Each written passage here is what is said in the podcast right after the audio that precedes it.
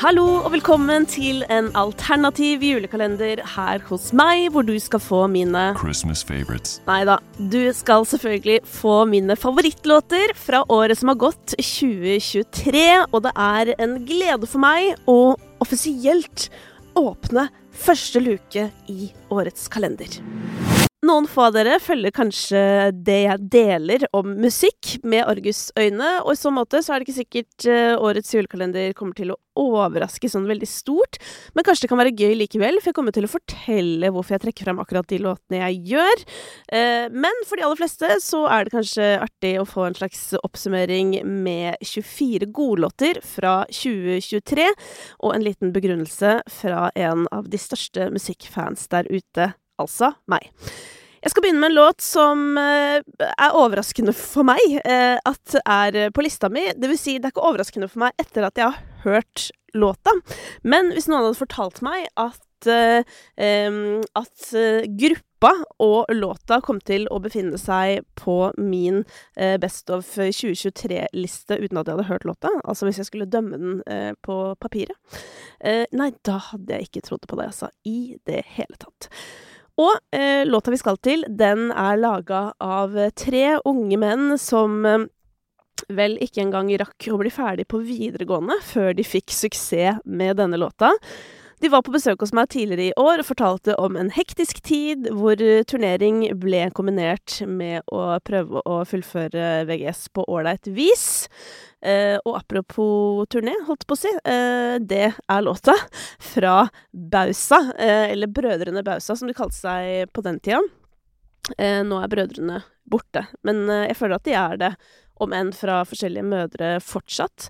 Og dette her er jo eh, en låt som jeg flere ganger i løpet av dette året har beskrevet som min ja, hva skal man kalle det? Fest slash russemusikk-favoritt. Eh, det er jo en sjanger som i løpet av 2023 har blitt veldig vanskelig å avgrense. Eh, og nettopp låta 'Turné' er jo et godt eksempel på det.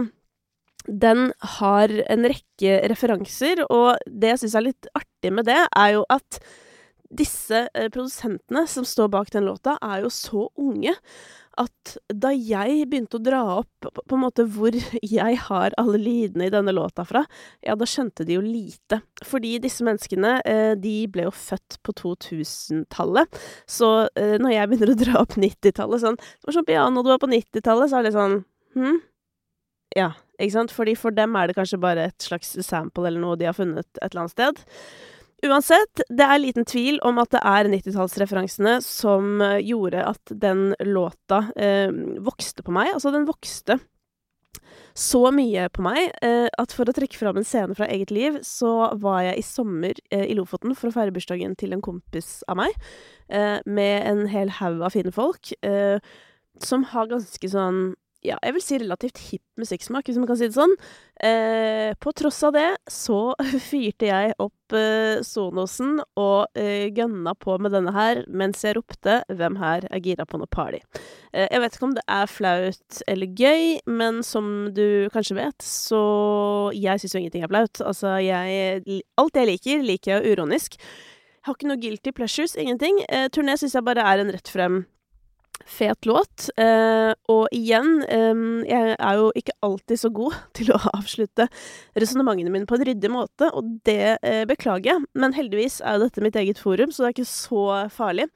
Men det som er, er at disse 90-tallsreferansene, både i piano, men også i rytmikken, det er jo nesten litt sånn Uh, ja, det er jo altså I 2023 så har vi jo sett at både 90-tallet har kommet tilbake gjennom eksempel altså i Calvin Harris og Ellie Goldings in Miracle. Det er jo basically en 90s-låt. Men også da denne drum and bassen, altså den britiske lyden, den har jo også blitt veldig stor eh, gjennom andre artister, som jeg helt sikkert kommer til å komme inn på i eh, denne julekalenderen fra meg. For selvfølgelig, når noen pirker borti de greiene der, da er det vanskelig å ikke få med meg på laget. Men det er i hvert fall det som har gjort at eh, at uh, jeg vekka interessen for turné, og så har uh, Hva skal jeg si? Altså, den har bare virkelig vokst på meg, og jeg blir ekte glad. Her om dagen så var jeg på uh, håndballkamp og så niesa mi spille. Hun går siste året på ungdomsskolen, og så er det sånn Uh, I Heia-gjengen så var det noen som hadde med noe sånn boomblaster og spilte sanger hver gang det var scoring. Uh, og da ble jo blant andre uh, turné spilt. Og jeg kjenner rett inn i humør, altså. Jeg blir så glad av den låta. og tenker jo at herregud, for en start på en karriere fra Bausa, som nå sitter med en av årets mest strømmede låter.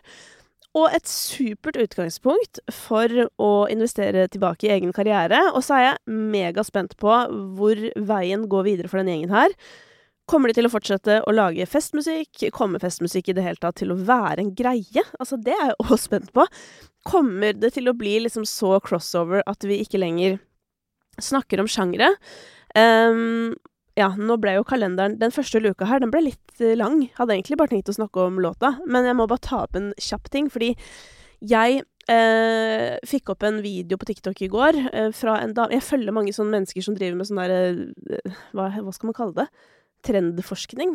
Man kan jo kalle det det, men i hvert fall hvor de på en måte prøver å forecaste hva som kommer til å skje fremover med ulike ting. Og hun hadde i hvert fall vært og snakka med en i Spotify i Mexico, eller et eller annet sånt.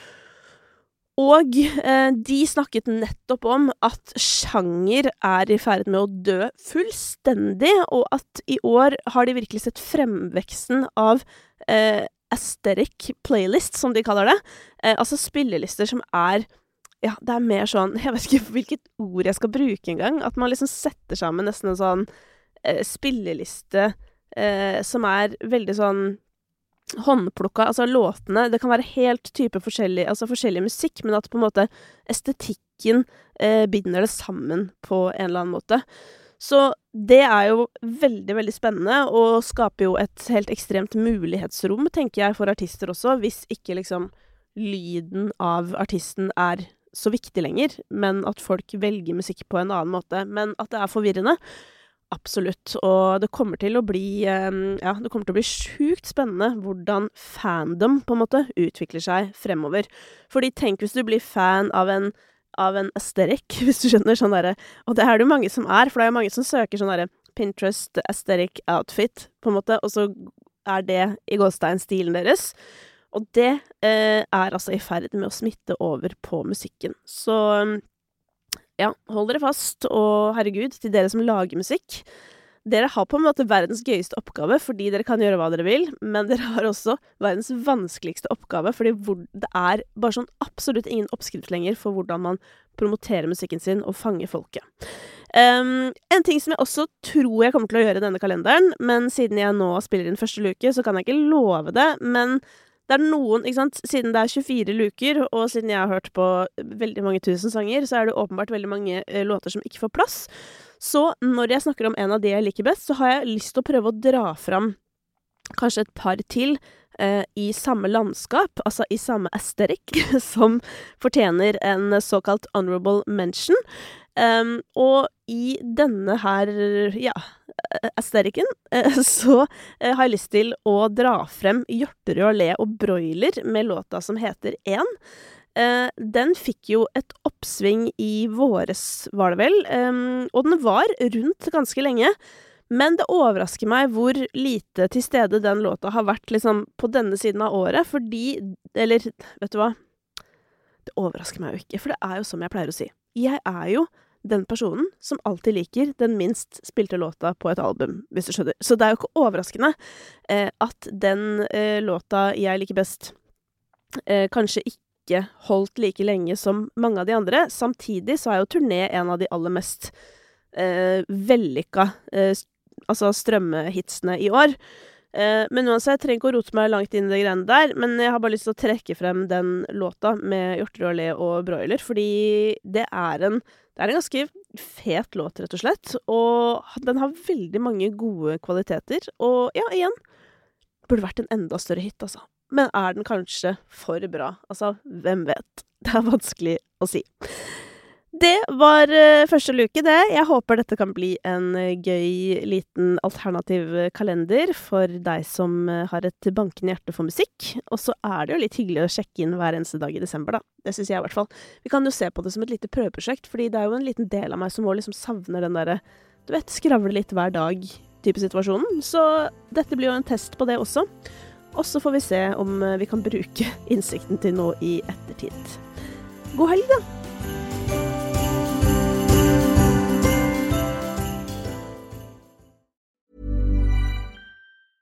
Mom deserves the best, and there's no better place to shop for Mother's Day than Whole Foods Market. They're your destination for unbeatable savings, from premium gifts to show-stopping flowers and irresistible desserts. Start by saving 33% with Prime on all body care and candles. Then get a 15-stem bunch of tulips for just $9.99 each with Prime. Round out Mom's menu with festive rosé, irresistible berry chantilly cake, and more special treats. Come celebrate Mother's Day at Whole Foods Market. When you make decisions for your company, you look for the no-brainers. If you have a lot of mailing to do, stamps.com is the ultimate no-brainer. Use the stamps.com mobile app to mail everything you need to keep your business running with up to 89% off USPS and UPS. Make the same no-brainer decision as over 1 million other businesses with stamps.com. Use code PROGRAM for a special offer. That's stamps.com, code PROGRAM.